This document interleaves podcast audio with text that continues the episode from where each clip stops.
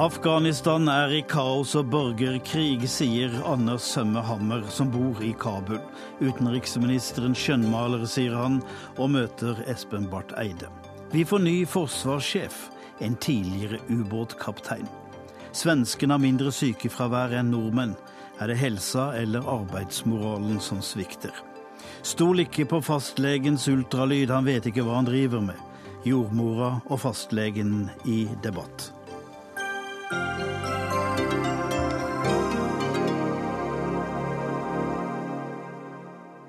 God fredagskveld. Du lytter til Dagsnytt 18 på P2. Jeg heter Tom Kristiansen, og vi får også besøk av Gøril Mauseth, for hun skal spille Tolstoy for russere på russisk.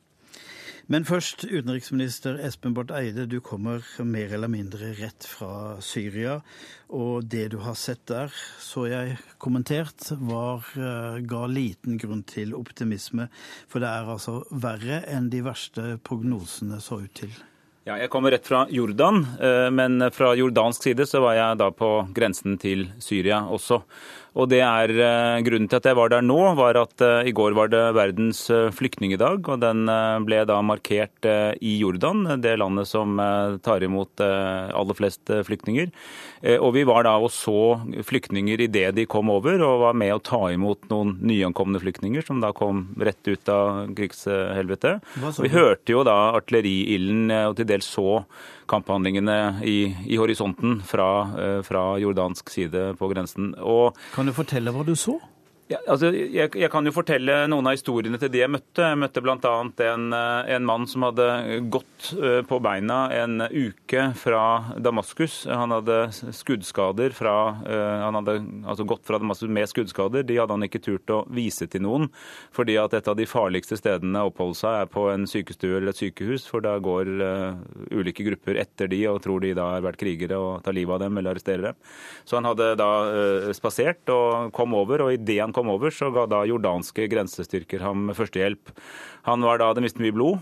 Eh, men var euforisk av glede over at han nå endelig hadde kommet seg over i sikkerhet. Og jeg ble sittende med to inntrykk fra, eh, fra, det besøket. Det ene var eh, grusomhetene i selve krigen inne i Syria, men også den voldsomme innsatsen som både naboland som Jordan gjør, men også FNs høykommissær for flyktninger f.eks., som vi støtter opp om, som jo faktisk har et relativt godt mottaksapparat som gjør at disse menneskene raskt kommer inn i enten organiserte leire og får husly og mat og sånn, eller, eller blir lokalisert inn i byer og landsbyer på jordansk side. Det er krigen, imponerende. Men krigen er det jo ingen løsning på? Krigen er eh, Nå er det nesten blitt en klisjé å si at den går fra vondt til verre. Så det er nesten farlig å si det flere ganger. Men den er altså eh, i, i, forverring. Eh, akkurat nå har det vært noen uker hvor Assad-styrken har vært offensiven og tatt tilbake en del områder som ulike opposisjonsgrupper har holdt. Dette kan jo gå frem og tilbake fra dag til dag.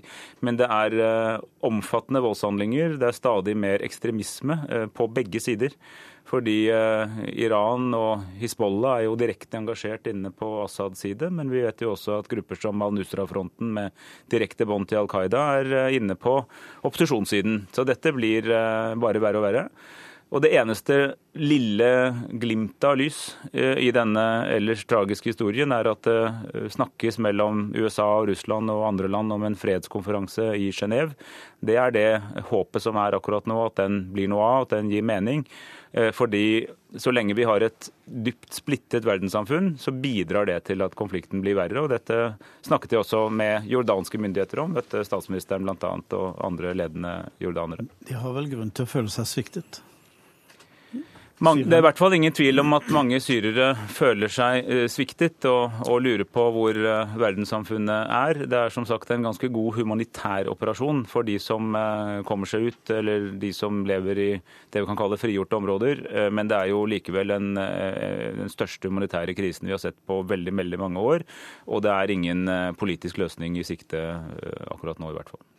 Takk skal du ha, Espen Barth Eide. Og bli bare sittende, for nå skal vi snakke om det vi egentlig ba deg for å, øh, for å komme og snakke om, nemlig Afghanistan. Nato overlater Afghanistan til seg selv. Og det er altså et land i krise og borgerkrig.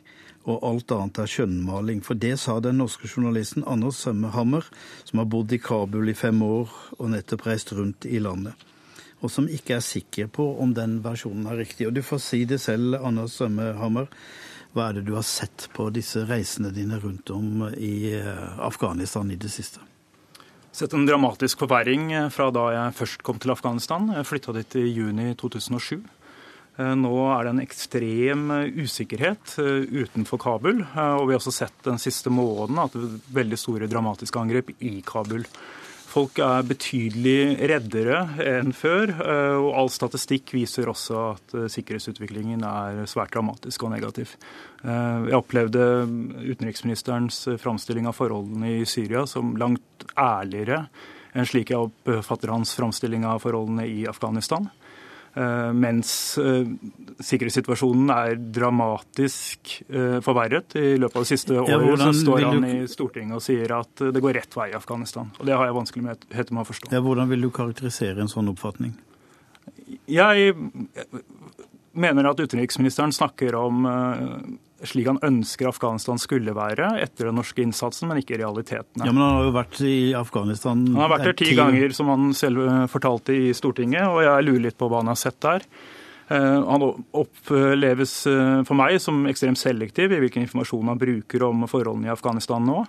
F.eks. i hans redegjørelse om forholdene i Faryab-provinsen, der de norske soldatene hadde hovedansvaret for sikkerheten fra 2005 til slutten av september i fjor. Eh, jeg var i Faryab i fjor høst, før, under og etter den norske uttrekningen. Og det var absolutt noe av det mest dramatiske jeg har opplevd. Det var en total kollaps i sikkerheten, eh, der man kunne se at de, de, de norske soldatene hadde jobbet for å oppnå altså stabilitet i provinsen. Lyktes de ikke med i det hele tatt. Og alt, eh, enhver beskyttelse av sivilbefolkningen forsvant idet de norske soldatene dro. Da var ikke afghanske politimenn eller soldater i nærheten av å være i stand til å beskytte sivilbefolkningen. Barth Eide han sier egentlig at du er lite troverdig. Ja, nå, Anders Tømme Hammer uh, har bodd mange år i Afghanistan, og til dels ser vi nok noen av de samme tingene. Men uh, i sin vane tro så maler han med meget bred penn, for jeg mener bildet er ganske sammensatt. Uh, og det mener ikke bare jeg, men det mener veldig mange afghanere som jeg snakker med. Og de er både i posisjon, opposisjon og i NGO-er og mange andre. og i, Det er ikke bare slik at jeg reiser dit av og til. Vi har jo et løpende fokus på dette gjennom egne folk, gjennom etterretningstjenestene, gjennom en rekke partnere i Afghanistan. Og det er et sammensatt bilde. Jeg mener at det har gått rett rett vei når det gjelder å bygge et politisk system. Vi har i motsetning til omtrent noen av nabolandene et, et, har et parlament som er valgt. De valgene er ikke perfekte, men de er betydelig bedre enn den regionale standard. Vi har en valgt president, han skal gå av, det er nytt valg neste år. Og vi har bygget opp afghanske sikkerhetsstyrker rundt omkring i landet. Men jeg sa i den samme redegjørelsen at sikkerhetssituasjonen er spent og krevende også i Faryab.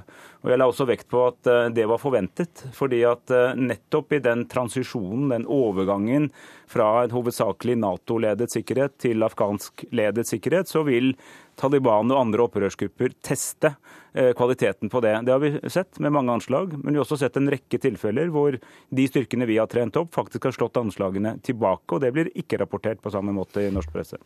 Det skal mye til for et land som Norge å gå til krig på eh, baksiden av jorda, eller hvor man nå skal plassere Afghanistan. Det kosta ti milliarder, minst. Ble det noe ut av det? Ja, jeg mener at eh, vi har vært med på en veldig krevende, men også veldig viktig reise for Afghanistan. Og så tror jeg, Hvis vi skal være helt ærlige med hverandre, så tror jeg verken Anders Tømme Hammer eller jeg har den endelige fasiten. For den vet vi først om en del år, når vi ser hvordan det gikk etter en del år etter at afghanerne fikk overta. Da kan vi enten se at man gjennom den utvidede dialogen som vi sikkert også skal snakke litt om, hvor også Taliban kommer mer inn, finner et bredt afghansk kompromiss som eh, neppe er akkurat slik som vi ville laget det, men som fungerer i Afghanistan. Eller vi kan i verste fall se en eh, tilbakefall til borgerkrig à la den vi hadde på 90-tallet, som var noe av det verste Afghanistan har opplevd. Jeg tror mer på den første historien, men jeg tror det blir mange tilbakeslag. Og jeg tror alle enten det er observatører utenfra eller oss som sier at nå vet vi hvordan det gikk, de er rett og slett for tidlig ute. Jeg husker jo fra tett engasjement med krigene på Balkan at eh, rett før krigen var over, så var det på sitt verste. Altså, Bosnia sommeren 95 var noe av det verste vi har sett. Eh, noen måneder etterpå hadde vi Dayton-avtalen. Jeg sier ikke at det skjer i Afghanistan, men det er ikke slik at du kan lese hvordan det går bare på dagsaktuelle hendelser og telle episoder, det er altså både metodisk og på alle andre måter feil. Kristian Berg Harpvirken, du er direktør ved Institutt for fredsforskning, PRIO, og kan både telle og gjøre andre ting som forsker. Hvordan vil du beskrive denne situasjonen? Nå er det to versjoner her. Den siste hører du, du kan ikke telle slagene på den måten i sluttfasen. Jeg tror jeg vil, eh, vil, fjerne meg kanskje litt ifra, fra begge de posisjonene som er lagt fram her, når det gjelder akkurat hva man skal lese ut av den dagsaktuelle situasjonen. Jeg er jo helt enig i det som eh, Barth Eide avslutter med å si, som er at det å telle sikkerhetshendelser i dag, det gir ikke nødvendigvis noen god indikasjon eh, verken på om man har lykkes, eller på hva fremtida vil bli. Men jeg tror også at vi kan si at i dagens internasjonale politiske klima så ville ingen ledere i verden ønsket å gå til denne intervensjonen. Og det tror jeg er en ganske klar dom over hva den militære intervensjonen i Afghanistan har ført til. Jeg tror også, eh, det vil kanskje noen være uenig med meg i, men jeg vil i hvert fall påstå at hadde beslutningen om intervensjon i Afghanistan vært tatt i Norge uten hensyn til allierte, så hadde Norge aldri tenkt tanken på at en storstilt militær intervensjon i Afghanistan ville vært et hensiktsmessig eh, virkemiddel. Så tilbake til dette med antall sikkerhetshendelser i dag. Eh, det er opplagt at det har vært en ganske klar eskalering av eh, sikkerhetsproblematikken i Afghanistan kontinuerlig fra 2003-2004 og frem til i dag. Det er selvfølgelig bekymringsfullt. Det at man får en, gradvis, eh, får en rask økning, som man kanskje har fått nå i det siste, det behøver ikke bety at den underliggende politikken går i feil retning. Det kan faktisk være en smertefull transisjon til noe bedre. Men det som virkelig bekymrer meg, er at jeg klarer ikke å se eh, at den underliggende politiske dynamikken, de konfliktene som eh, Afghanistan har kjempet med de siste 30 årene, er noe lettere å håndtere i dag enn det de var når intervensjonen hendte. Og det sier jeg på tross av at jeg er den første til å anerkjenne at eh, Norge har gjort en stor politisk innsats, både i forholdet Taliban, regjeringen Karzai, USA, og når det gjelder forholdet til de regionale naboene. Partiet, nå skal Norge spille en nøkkelrolle også, og danse med Taliban?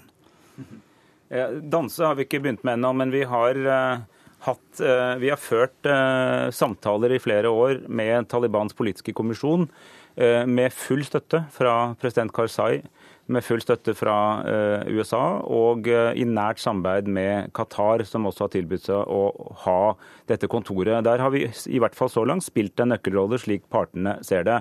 Formålet med det var at vi har hele tiden sagt, og det vil du se tilbake på norske, både mine og mine for, min forgjenger Jonas Gahr Støre og andre norske politikere i hele denne regjeringsperiode, har sagt at det er en stor feil fra 2002 at man ikke hadde flere grupper med i Bonn-konferansen, som la grunnlaget for det moderne Afghanistan. Altså et poeng som Kristian Barr Harpøyken veldig mange ganger med rette har påpekt.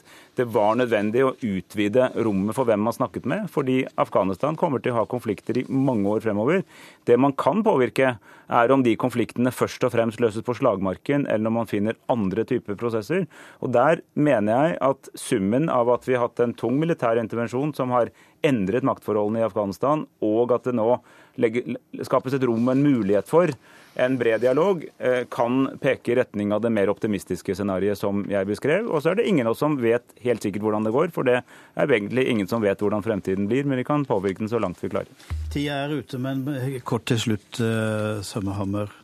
Tør du fortsatt bo i Kabul? Jeg skal tilbake til eh, Afghanistan. Eh, og Jeg er ikke overraska over at utenriksministeren her sitter og forsvarer den norske innsatsen i Afghanistan. Det er han helt nødt til, til fram til eventuelt den rød-grønne regjeringen må gå av. Han har ikke noe valg. De norske kvinner og menn risikerer livet i Afghanistan hver dag, og da må han sitte og snakke om krigen på den måten han gjør her. Ok, Lenger kommer vi ikke. Takk til Espen Barth Eide, Anders Sømmerhammer og Christian Berg Hafvirken.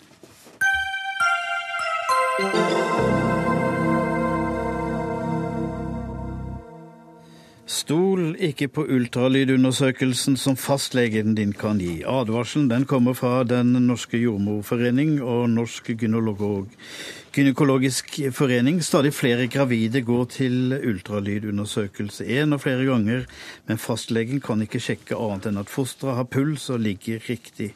Og det kan enhver jordmor finne ut ved å lytte og kjenne. Og Marit Heiberg, du er leder i Den norske jordmorforening. Hvorfor er dere så bekymra? Vi eh, mener at eh, alle som skal utføre ultralyd, de skal ha en kompetanse. Uh, uansett om det er jordmødre eller leger. Jordmødre, de har Men er det så vanskelig? Ja, det, altså det å se noe ordentlig ved en ultralydsundersøkelse, det er vanskelig. Det kreves kompetanse. Jordmødre som utfører rutineultralyd i uke 17-18, har ett års videreutdanning før de begynner å gjøre dette her. Eh, Peter Brelin, du er nestleder i Norsk forening for allmennmedisin. Eh, er det falsk trygghet, det som fastlegen kan gi? Nei, jeg tror ikke det. Jeg tror vi kan svare på en god måte på de spørsmålene som vi har kompetanse til å svare på de enkle spørsmålene. Vi driver ikke med fosterdiagnostikk. Vi prøver ikke å finne ut eh, om fosteret er misdannet eller om det er utviklingsavvik. Vi driver med svangerskapsomsorg. Vi prøver å støtte kvinnen gjennom svangerskapet. Og hvis det i løpet av svangerskapet tiltrer bekymring hos kvinnen, det vi stort sett driver med, er to ting. Det er tidlig ultralyd når man er bekymret i første trimester. Eh, om at eh, fosteret ikke lever lenger. Da gjør vi en ultralyd som er en relativt enkel eh, undersøkelse. Da ser vi om vi ser fosterlyden. Men, men kan, kan, da gravide ha feil forventninger? Kommer til fastlegen? Vi, vi, må nok være tydelige på at det er bare det vi, vi, svarer på. Bare disse enkle tingene. Det er to ting. Det ene er om det lever i første trimester. Og det andre er når vi har problemer etter vanlig undersøkelse og se om fosteret ligger riktig mot slutten av svangerskapet. Da finner vi ut om det er seteleie eller hodeleie. Men den eh, gravide kvinnen som har et eller annet feil som fastlegen ikke kan se, hun vil kanskje tro at alt er i orden? Hun får en tydelig informasjon fra oss om at det vi ser etter, er det hun er bekymret for. Vi gjør ikke rutine ultralyd på alle gravide som vil ha en garanti for at fosteret er i orden. Det overlater vi til de som kan. Verken vi privatpraktiserende gynekologer eller jordmødre har rett til å drive eh, eh, fosterdiagnostikk, det er eh, bioteknologiloven som hjemler en undersøkelse som bare er knyttet til noen klinikker. Men Heiberg, da er det kanskje sånn at gravide går til fastlegen nærmest som å gå til fotografen? Ja, man kan jo kanskje si det. Altså, det som er problemet her, er at uh, vi, vi, driver ikke med fosterdiagnostikk. Det gjør ikke jordmødre. Det er en spesialkompetanse som er, ligger enda over oss også. Men vi, har, vi mottar en økende antall henvendelser fra gravide ute og fra våre medlemmer som sier at gravide nå er bekymra. De er til eh, rutinekontroll tidlig i svangerskapet. Fastlegen ser med ultralyd. De går videre og tror alt er i orden. Og så kommer de på ultralyd i uke 17-18, og så opplever de at det kanskje er noe med det barnet likevel. Så de skaper rett og slett en falsk trygghet. Og når de snakker om det å kjenne leie på slutten av svangerskapet, det kan jordmødrene klare med to hender. Ved å kjenne på utsida av magen, rett og slett. Det ja. kan de stort sett også klare å kjenne med to hender. Men jeg får henvist pasienter fra jordmor til meg når hun er usikker på leie. Sånn at noen ganger trenger vi denne teknikken. Arne Forus, du er seniorrådgiver i Helsedirektoratet. Dere sendte ut retningslinjer om dette for et eh, par år siden. Eh, hvor det står at det skal gjennomføres av kompetent personell. Er Brelin kompetent? Eh, det jeg vil svare til det, det er at eh, vi har helt riktig sagt at helsepersonell som skal gjøre ultralydundersøkelse, skal ha den nødvendige kompetansen til å gjøre den undersøkelsen. Og så har vi ikke gått nærmere inn på hva dette innebærer av eventuelt tilleggsutdanning eller kurs. Men det er kanskje nødvendig, siden en eh, lege med fem til sju års utdannelse tror at dette er noe han kan gjøre, og så er det kanskje ikke sånn? Det er, noe, det er sånn for alt helsepersonell at de, at de hele tida må vurdere sin kompetanse til de undersøkelsene som de skal gjøre, og sikre at eh, det som blir gjort, er i tråd med kompetansen de har, og at det er forsvarlig. og Det ligger jo i bunnen i lovverket for helsepersonell. Eh, men det, det, som jeg tror eh, er viktig her, det er at Helsedirektoratet skal selvfølgelig lytte med åpne ører når fagmiljøer er uenige om kompetansekrav til ultralydundersøkelse av gravide. Og vi vil veldig gjerne snakke nærmere med fagmiljøene om dette. Både Jordmorforeningen, og Allmennlegeforeningen og gynekologene. Og så må vi se da om det er behov for å, for å gå litt mer spesifikt inn på hva, hva slags kompetansekrav som skal stilles. Så det er muligheter for at det kan bli begrensninger i denne avgangen? Eh, jeg tror vi heller skal si det på den måten at det kan være det, det er muligheter for at vi Jeg skal jo ikke forskuttere noe, for vi skal jo ha en, en diskusjon nå og, og, høre de relevante fagmiljøene. Eh, og det, Jeg kan jo ikke forskuttere hva som kommer ut av det, men, men det er klart at det om en skal stille kompetansekrav kan være én ting vi skal diskutere. Og det vil selvfølgelig Det kan òg bli sånn at det er forskjellige krav avhengig av hva slags kompetanse det er i bånn. For at jordmødre og leger har tross alt en litt forskjellig utdanning i utgangspunktet. Eh, Heiberg, nå sier Brelin at det er eh, jordmødre som henviser pasienter til han. Ja, Det er forholdsvis spesielt, eh, det. Men eh, det er mulig du har en spesiell kompetanse på dette her. Men vårt poeng er at når jordmødre skal utføre ultralyd, så er det store krav til hva slags kompetanse man skal ha. Man går ett år på NTNU i Trondheim, og man har massevis av timer med både teori og praksis. Her trengs det masse øving. Masse, masse, masse. masse, masse. Mens når allmennpraktikere skal, skal, begynne med dette her, så kan man rett og slett bare kjøpe seg et apparat, og så hever man per i dag 109 kroner ekstra per kontroll, fordi man ser om hvordan det ligger med huet opp eller ned. Og Derfor så tenker jeg at her må det på plass kompetansekrav. Så det er jeg veldig, veldig fornøyd med å høre at Helsedirektoratet sier. Og det skulle vært der for lenge siden. At man først innfører muligheten for det, og så sier etterpå at vi skulle satt krav til kompetansen, det mener jeg at det er litt sånn bakstreversk. Da ble det ikke plass til deg, Brelin? Man kjøper seg ikke et apparat til 300 000 for å få 109 kroner. Men eh, det er nok sånn at den eh, kompetansen den, eh, på de undersøkelsene som vi kan tilby, den har vi, og den går vi kurs. Og vi lærer det vi kan svare på. Det er vi trygge på at vi kan svare på. Da får vi se hvordan det går med ultralyden framover. Takk til Marit Heiberg, Peter Brelin og Anne Forås.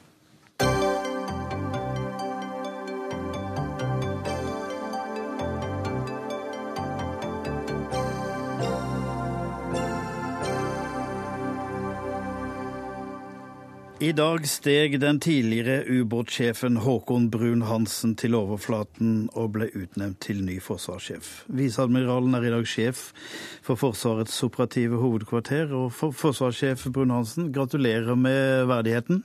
Tusen takk skal du ha. Vi var nettopp inne på med utenriksministeren som nettopp har vært på grensen til Syria eh, og sett flyktningstrømmen og sett djevelskapet.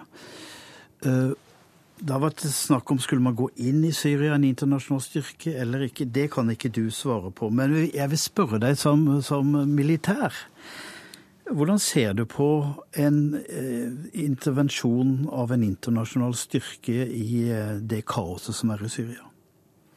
Jeg tror det er veldig viktig at eh, skal man gjennomføre en militær intervensjon, eh, så må man i utgangspunktet ha stor tro på at man kan lykkes med det. Eh, per i dag er det jo ingen identifiserbar opposisjon som kan overta makten. Eh, som utenriksministeren nevnte, så er det jo altså flere stater og eh, terrororganisasjoner som er tilknyttet og støtter de ulike partene i krigen i Syria. I tillegg har Russland vært ganske tydelig på at de ikke ønsker noen vestlig eller militær intervensjon. Slik at jeg er særdeles tvilende til at man kan få et heldig utfall av en militær intervensjon på det nåværende tidspunkt. Hva slags eh, forsvarssjef har du tenkt å bli? Ja, nå, nå, sitter du her i Dagsnytt 18 og snakker om, om militærpolitiske spørsmål. Det er et godt tegn for oss journalister. Mm. Jeg kommer nok ikke til å endre meg som person. Eh, jeg er opptatt av eh, militærmakten og hvordan militærmakten kan anvendes. Eh, en av oppgavene til forsvarssjefen er jo å gi regjeringen og statsråden råd om bruk av militærmakt. Det fordrer jo at en forsvarssjef følger med på det som skjer rundt omkring i verden. Han forstår bruken av militærmakt. Han trekker sine lærdommer av de erfaringene man gjør rundt omkring på godt og vondt. Eh, men forsvarssjefen er også en person som skal lede det norske forsvaret. Eh, og vi har et godt eh, ordtak i Forsvaret. Det er 'gjør jobben din og ta vare på dine kvinner og menn'. Og Den siste delen der vil også være en viktig oppgave for meg i årene fremover. På en måte går det an å definere Forsvaret som en institusjon som skal drepe og ødelegge?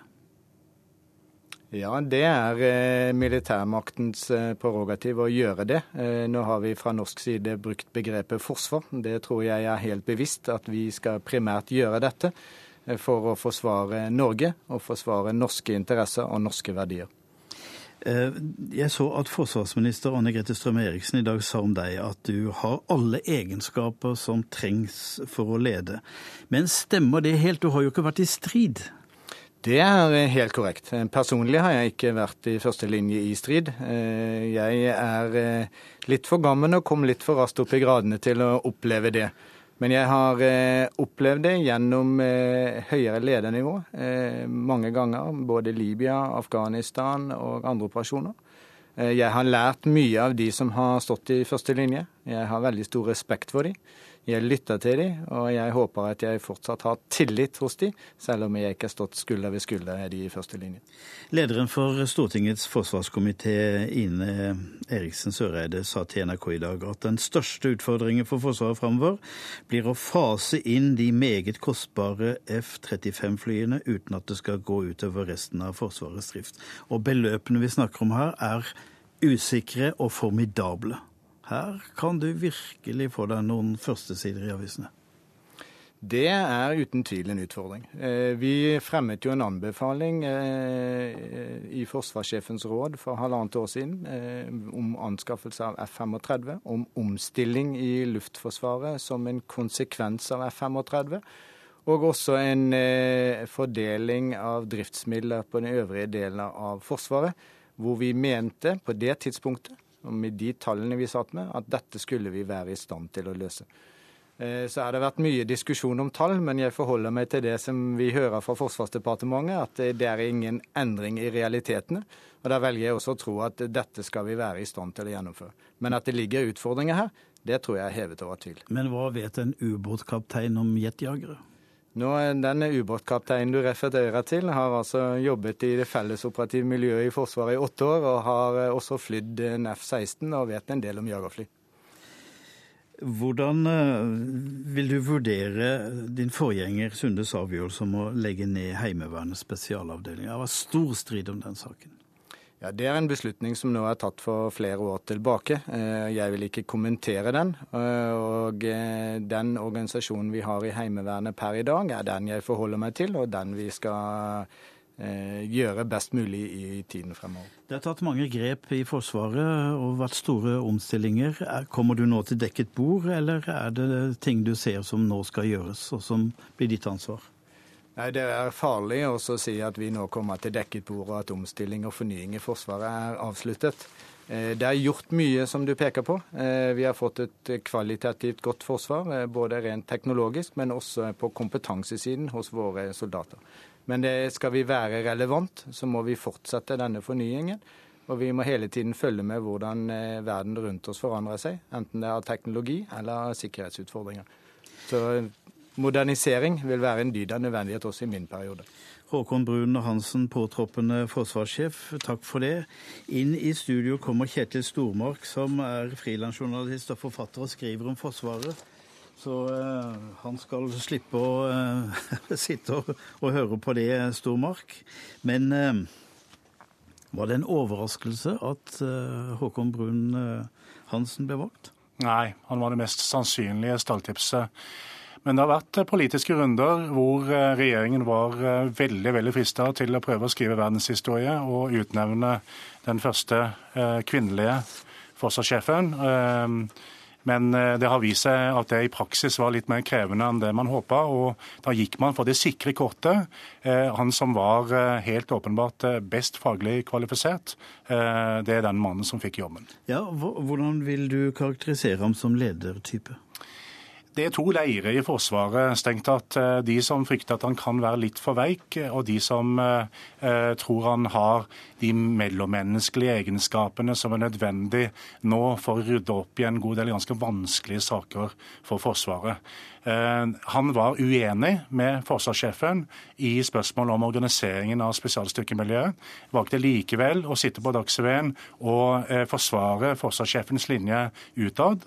Eh, om man da velger å se på det som lojalitet utad, eh, eller at han er for veik i forhold til å ta kampen opp å stå for det for, som han tror på, er jo på en måte et spørsmål om hvordan man velger å analysere virkeligheten. Eh, kun framtiden vil jo vise om han lykkes i å forme denne jobben, men han har forutsetningene iallfall for å lykkes. Unnskyld uttrykket, men er det noen miner i farvannet? Mange. Eh, forsvaret er kraftig underbudsjettert. Eh, de har eh, mange sine blikk og mange synspunkter på hvordan de skal gjøre jobben. Det er mange sterke sterke stemmer. Det er et miljø fullt av alfahanner eh, som drar dette i ulike retninger. Det er sterke konkurranseforhold mellom ulike militæravdelinger som ønsker mer ressurser til SE og sine. Eh, og I dette farvannet så er det viktig at forsvarssjefen evner å ta med eh, organisasjonen på råd eh, og involvere de ansatte på en god måte. Og Det er jo akkurat her at forsvarssjef Harald Sunde har mislykkes så kapitalt på en god del saker. og Nettopp derfor er det interessant å se at Brun-Hansen, eh, det eneste signalet han egentlig gir i, i dag, er at han ønsker å ta de ansatte på alvor og ta vare på de ansatte. Og Det tror jeg er et viktig signal for landets nye forsvarssjef. Ja, fordi De konfliktene som er kommet til overflaten, har jo vært relativt giftige. da. Ja, og det, det er sensasjonelt og i verdensmålestokk at du får en varslersak fra et spesialstykkemiljø, slik du har fått i saken eh, fra Marinejegerkommandoen i Bergen. Eh, og Det vitner om eh, ikke bare klima som sådan, men òg litt hva som står på spill når det verserer påstander om trusler, trusler om telefonavlytting og forskjellige virkemidler for å tvinge folk inn i rekke. Uh, uansett hva som har skjedd her, så må man jo konkludere med at uh, Harald Sunde som etatssjef og forsvarssjef har mislykkes med å, å, gjennomføre endringsprosessene i Forsvaret på en smidig måte, og har til slutt mista tillit hos politisk ledelse i Forsvarsdepartementet. I så måte så er det ganske oppsiktsvekkende at han får lov å sitte så lenge som han eh, nå tilsynelatende gjør. At han får lov å sitte ut året, iallfall langt ut på høsten. Eh, Norge har deltatt i ulike internasjonale operasjoner, eh, noen som fredsbevarende og i stunder som krigere. Eh, hva slags signaler har du lyttet deg til når det gjelder, når det gjelder vår nye Brun Halvor Hansen, forsvarssjef hvor legger han seg i dette? Altså, han, han, vil jo bli utfordra. Det er mange som kommer til å teste han framover. Og vi har nå eh, mange mennesker med krigserfaring som har vært ute og sett døden i hvitøyet i Afghanistan og i ulike operasjoner eh, internasjonalt. Eh, og de vil jo teste han i de kommende månedene for å se hva han egentlig er laga av. Eh, og eh, da er det jo helt avgjørende at han faktisk består den prøven, for å få den tilliten og troverdigheten som er nødvendig for å lede Forsvaret som organisasjon videre. Vil de miljøene se på det som et minus at han ikke har vært i strid? Det kommer helt an på hvordan han takler dette framover. Eh, den type hersketeknikk er det på en måte veldig lett å bli møtt med i Forsvaret. Jeg tror ikke det er nødvendig for at han skal kunne lede Forsvaret det, mer viktig er det at han har mellommenneskelige egenskaper som gjør at han greier å ta folk på alvor og involvere dem på ulike nivåer i viktige beslutninger som skal tas framover. Takk til deg, Kjetil Stormark.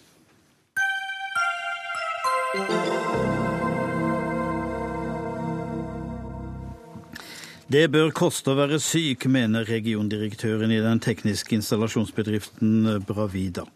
Tore Bakke er lei av at de norske arbeiderne i det skandinaviske selskapet har høyere sykefravær enn sine svenske arbeidskolleger, til tross for at de har samme oppgaver. Nå ønsker han at Norge kopierer den svenske modellen, hvor ansatte betaler litt av lønnen sin for å være syke. Tore Bakke, du er altså da regiondirektør i, i Bravida.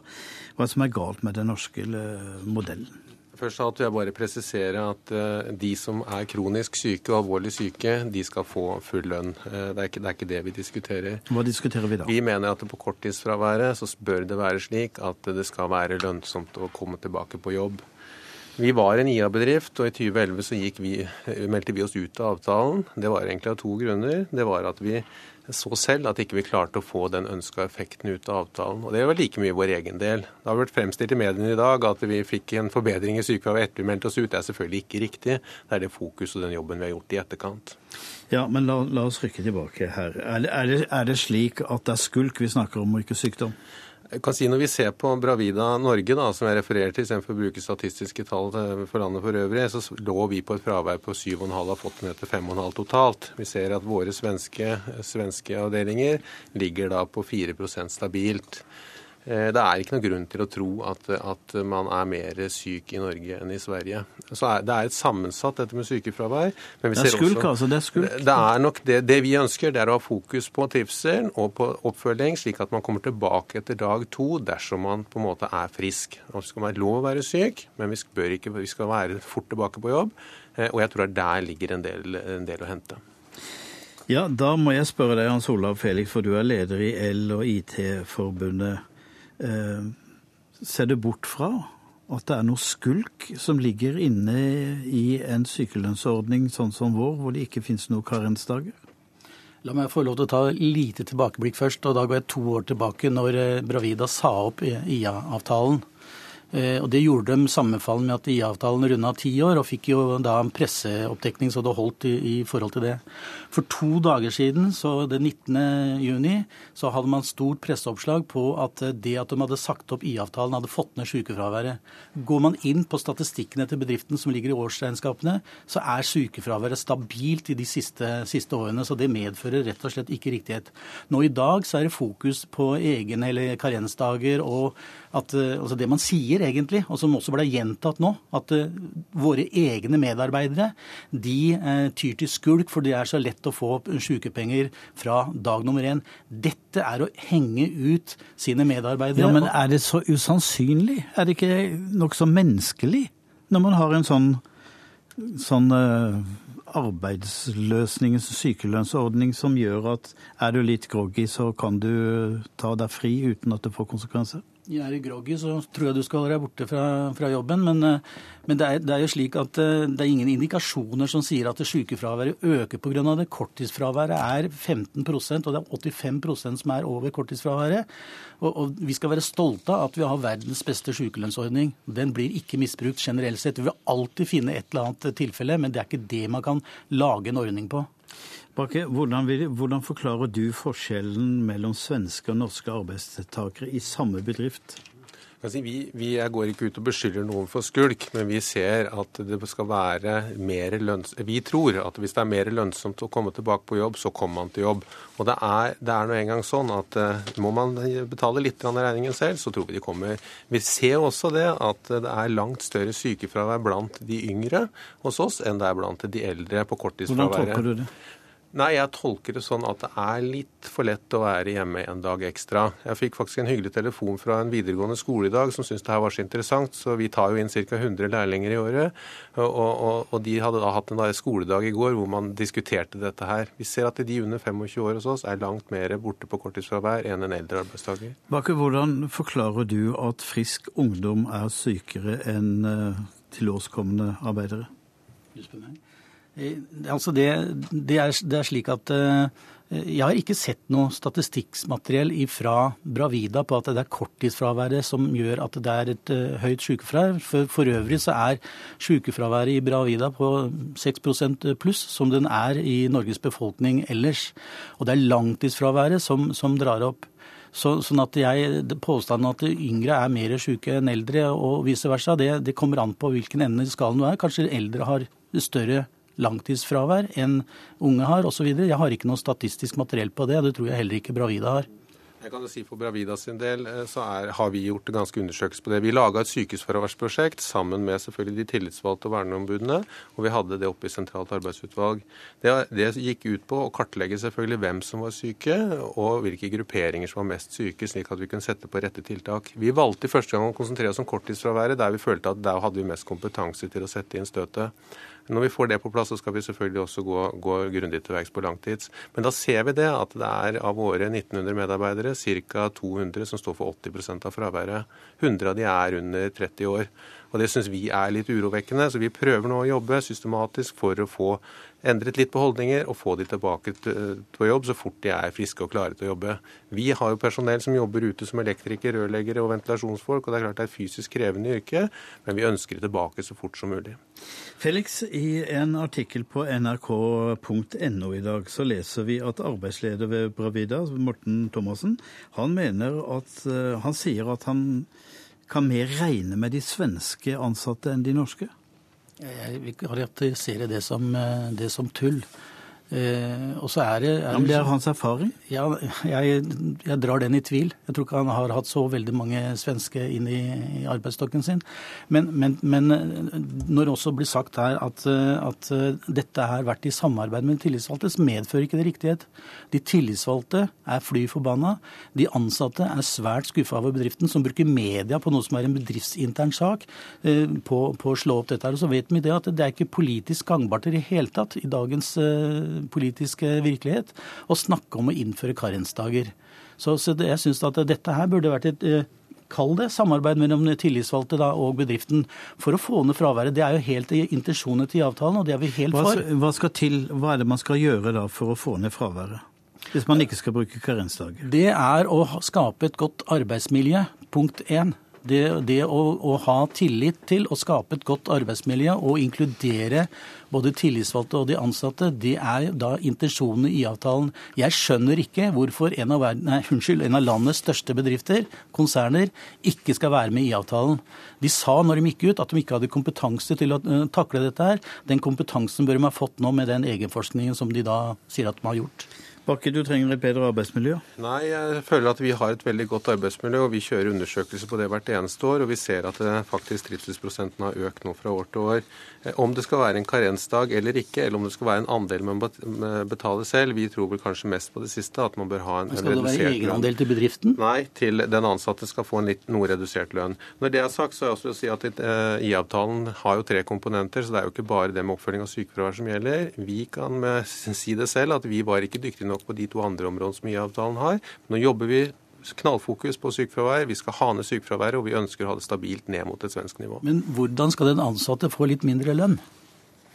Det kan jo være i form av en, en, en, redusert eh, lønn som man får utbetalt på et korttidsfravær over en tid. Men jeg syns at partene i arbeidslivet bør ha dette som et innspill når avtalen skal reforhandles. Ja, Det vil jo være brudd på avtalen i partene i arbeidslivet. Ok, men Den diskusjonen kan vi ikke ta, men jeg sier takk til dere. Tore Bakke, som er regionsdirektør i Bravida, og Hans Olav Felix, som er leder i L- og IT-forbundet.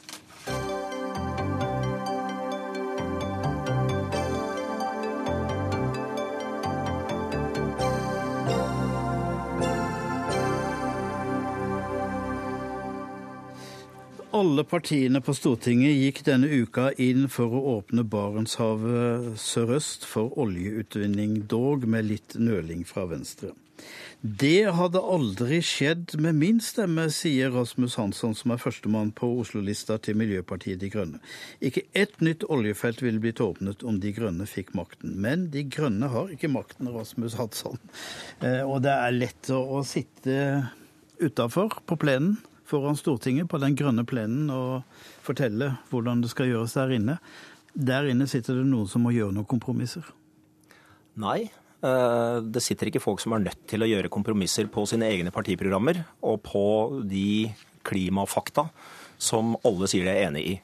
Når f.eks. SV, og dette gjelder jo vel å merke alle partiene på Stortinget, så SV er et eksempel, Eh, har eh, som eh, programfestet politikk å redusere tempoet i norsk oljeutvinning, så er det altså verdt å merke seg foran et valg at de stemmer for petroleumsmeldinga, som limer Norge til langsiktig økende petroleumsvirksomhet over mange tiår framover, for et par år siden. Og nå altså, får vi altså åpningen av Barentshavet sørøst hvor de stemmer for igjen. Og det er ingen annen konsekvens av å stemme for det, at vi får mer og lengre oljevirksomhet, og vi får mer karbon som døttes fra jorda og opp i atmosfæren, akkurat der den ikke skulle være. Og til slutt så er det ganske viktig å huske på at alle er jo også klar over at vi har funnet mer olje enn vi kan bruke, hvis vi skal klare dette berømmelige togradersmålet som alle er enige om. Hvorfor stemmer da alle partiene på Stortinget for at vi skal finne enda mer? Ja, vi skal prøve å finne ut av det. Lars Egeland, du er stortingsrepresentant fra SV, og du er medlem av energi- og miljøkomiteen. Holdt du deg litt for nesa da du stemte for dette? Ja, jeg holdt meg for nesa. Eh, fordi det er jo ingen enighet om at vi ville eh, bygge ut Barentshavet sørøst. SV kjempa i regjering mot det. Eh, opprinnelig så var jo forslaget Hvorfor stemte du for det, da? Jo, fordi opprinnelig så var forslaget både å bygge ut havområdene rundt Jan Mayen og Barentshavet sørøst. Eh, og det er sånn at De Grønne har ikke makt, SV har heller ikke flertall. Det er det store problemet, er at vi har altså et massivt flertall i Stortinget for å bygge ut mer olje. Eh, og det vi eh, klarte, var å hindre at denne saken også innebar åpning av Barentshavet sørøst. Nei, av, av havområdene rundt Jan Mayen. Det var en venn av meg i miljøbevegelsen som skrev det som liksom er det reine og, og rette standpunktet, nemlig at eh, klimaproblemet er så alvorlig at det lar seg ikke kompromisse med. Og det kan man jo erklære. Jeg, men, sa, jo, men jeg sa tilbake at, at, klimaproblemene er faktisk så alvorlige at hvis du unnlater å prøve å få til et kompromiss som reduserer CO2-utslippene, så har du forspilt sjansen din. Uh, er ikke det Rasmus Hansson, er ikke, er ikke det aktverdig? Det er aktverdig at SV har forsøkt å følge en eh, miljøpolitisk strategi i åtte år i regjering. Eh, nå går de på valg eh, på å fortsette den strategien. Og da er det på tide å evaluere hvordan det har gått. Og det er ekstra interessant fordi Venstre og Kristelig Folkeparti går til valg på akkurat den samme strategien for samarbeid med Høyre. Og det som har skjedd i de siste åtte åra med rød-grønn regjering, det er at vi har fått åpnet flere felt for oljeutvinning enn noen gang før. De norske klimagassutslippene har ikke gått ned. Eh, og Norge, med hele det sittende Stortingets stemmer, har spikra seg fast til enda mer oljeutvinning, som betyr at Norge investerer framtida si i enda mer global oppvarming. Og Da er det på tide å si den strategien har ikke fungert. Nå er tiden inne til at partier som tør å si at miljø er viktigst, at miljø er premisset for framtidas utvikling og velferd, de partiene må si nei takk til samarbeid med partier som ikke tar ansvar for framtida. Ja, vi, vi, har jo oppnådd mye med de musklene som velgerne ga oss ved sist valg. F.eks. at vi har stoppa utbygging av Lofoten, Vesterålen og, og, Senja. Men det er et problem at det storting som velges nå til høsten, det kommer virkelig til å legge premissene for om vi klarer å nå mål om, om kutt. Og da er vi nødt til å få klimadebatten til å bli en viktig del av, av valgkampen. Og vi er nødt til å få velgerne til å være opptatt av det. Jeg tror at i, i, ved sist valg så ble det i stor grad en diskusjon mellom the good guys, mellom oss som ønsker å kutte klimautslippene, eh, og så slapp man å utfordre de store partiene, som kunne sitte der og eh, Altså vi som var enige om å kutte, diskuterte oss imellom. Sånn at eh, velgerne som trengte å få høre hvorfor det er nødvendig å kutte klimautslippene, aldri fikk høre det. Og det er oppskrift på nederlag hvis vi driver og diskuterer med hverandre, og de tre svarte partiene Frp, Høyre og Arbeiderpartiet, som ble kåra til taperne da Klimavalg 2013 kåra partiene. Og som du samarbeider med? Ja, og det er på begge sider. Av, I begge regjeringsalternativer så er det altså svarte partier. Vi er nødt til å komme tilbake med større muskler om vi skal greie å få redusert oljetempo, og det er avgjørende for å nå klimautslippene. Rasmus Hansson, eh, du vil at den oljen som nå ligger, som vi vet ligger der, den skal bli liggende. Hvor naiv kan man bli? Er du helt ukjent med den menneskelige natur? Jeg begynner å bli en gammel mann. Svaret er jo nei.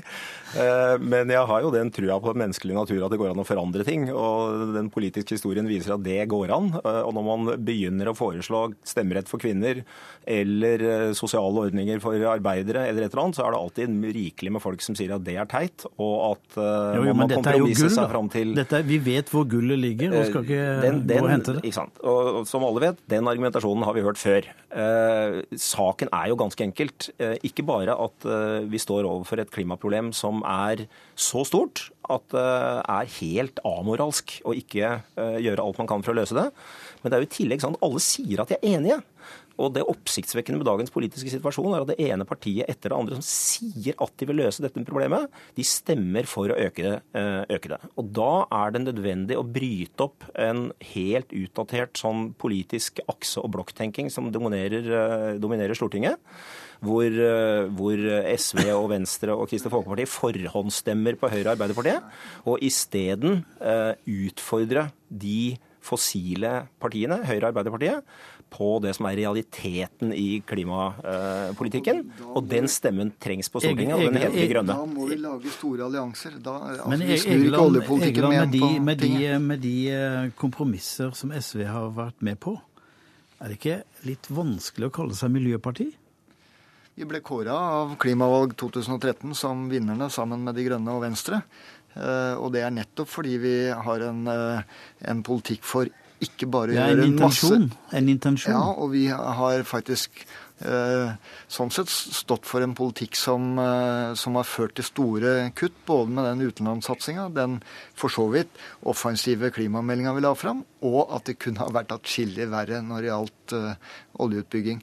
Men vi er nødt til å få et storting som er mye klarere på å få ned oljeproduksjonen i Norge. Ja, det er sånn at Får vi ned den 1 så er det tilsvarende der 233 000 der- der har nordmenn Rasmus som Hansson tenkt å sitte. CO2-utslippet sitt. Du har tenkt å sitte i det Nei, jeg parlamentet? å sitte, og Den store forskjellen mellom eh, den politikken som Lars Egeland representerer, eh, og den jeg representerer, er at Miljøpartiet De Grønne sier at vi skal stanse all tildeling av nye oljelisenser nå. Eh, Lars Egelands parti eh, sier at det skal vi ikke gjøre, vi skal fortsette å tildele.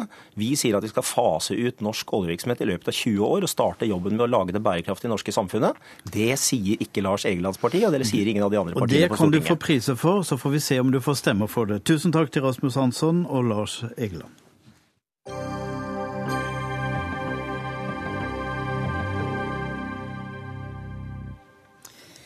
Maksim Gorki-teatret i Vladivostok setter opp Leo Tolstojs Anna Karenina i november. Men hvem spiller nasjonalikonet Anna Karenina?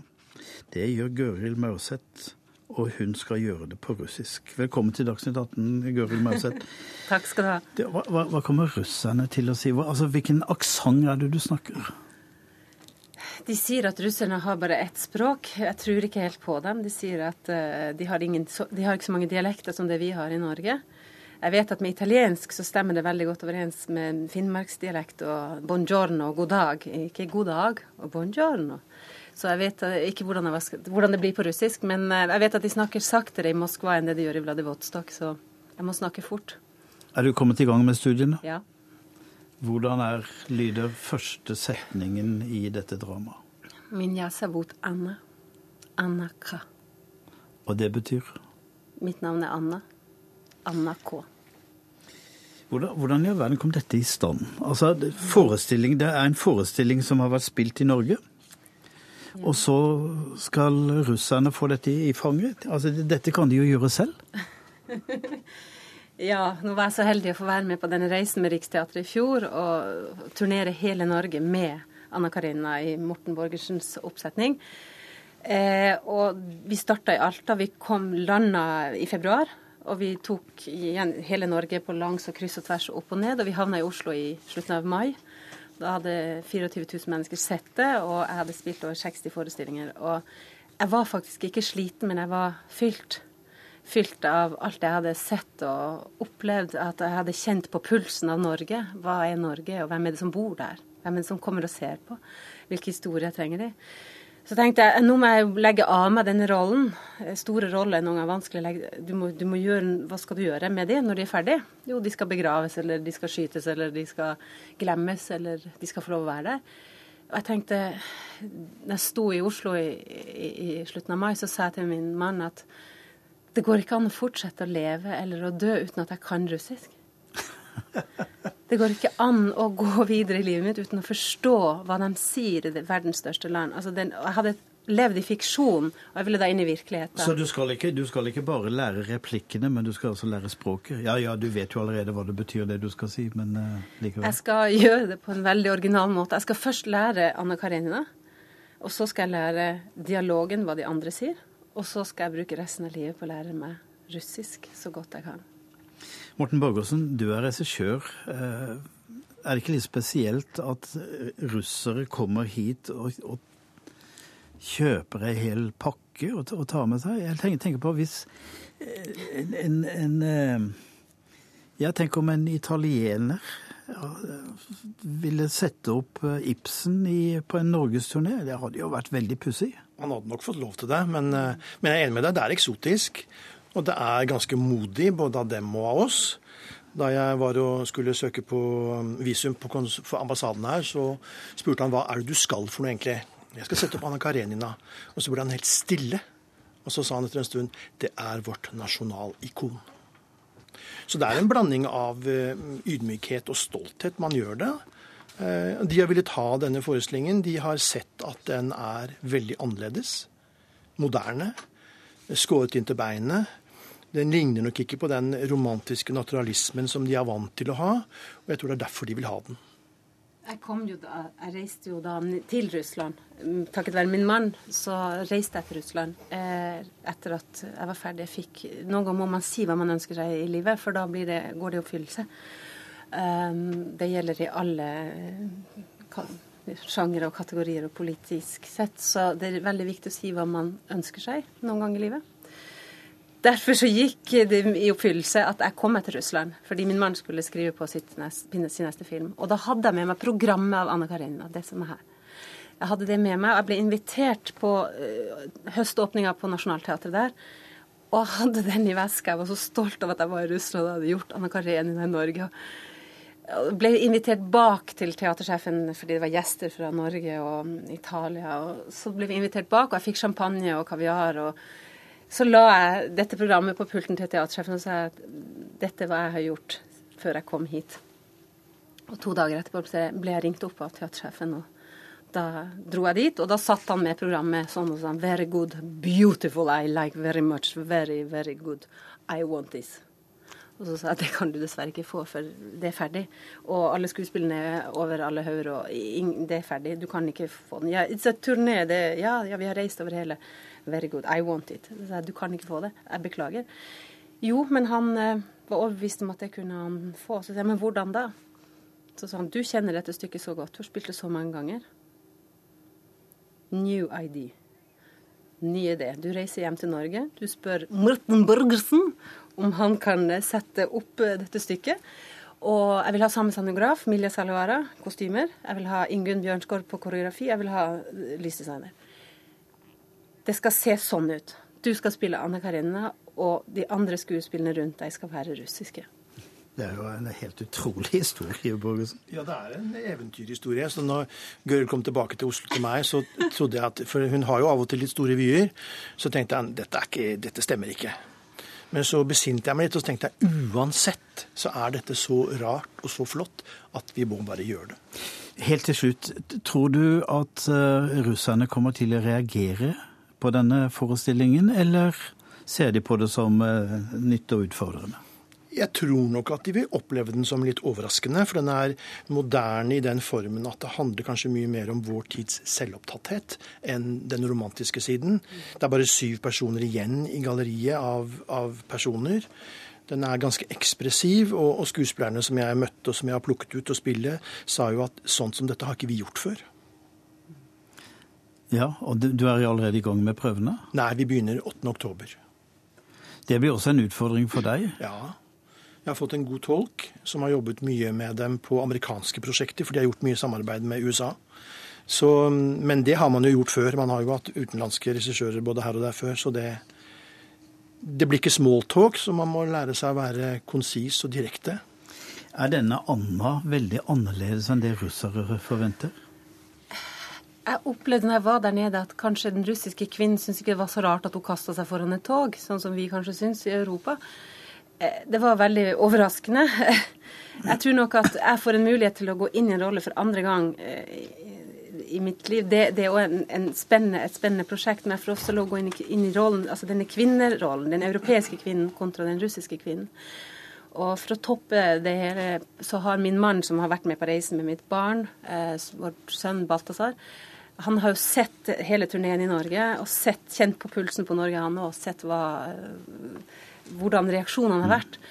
Han, når han da fikk vite han, han, tuller med at han har spilt Karenien i et år i Norge, fordi han fikk ansvar for barnet og logistikken hjemme. Ja, ja. Eh, men eh, nå har da Anna Karina banka på døra vår igjen, og da sier han men denne gangen Men nå må jeg avbryte deg, fordi at jeg har en liten melding jeg må lese før vi er ferdig. fordi at i Tidligere i denne sendinga sa journalist Kjetil Stormark at avtroppende forsvarssjef Harald Sunde ikke har Forsvarsdepartementets tillit. Departementet informerer nå om at Anne Grete Strøm-Eriksen tar avstand fra denne uttalelsen.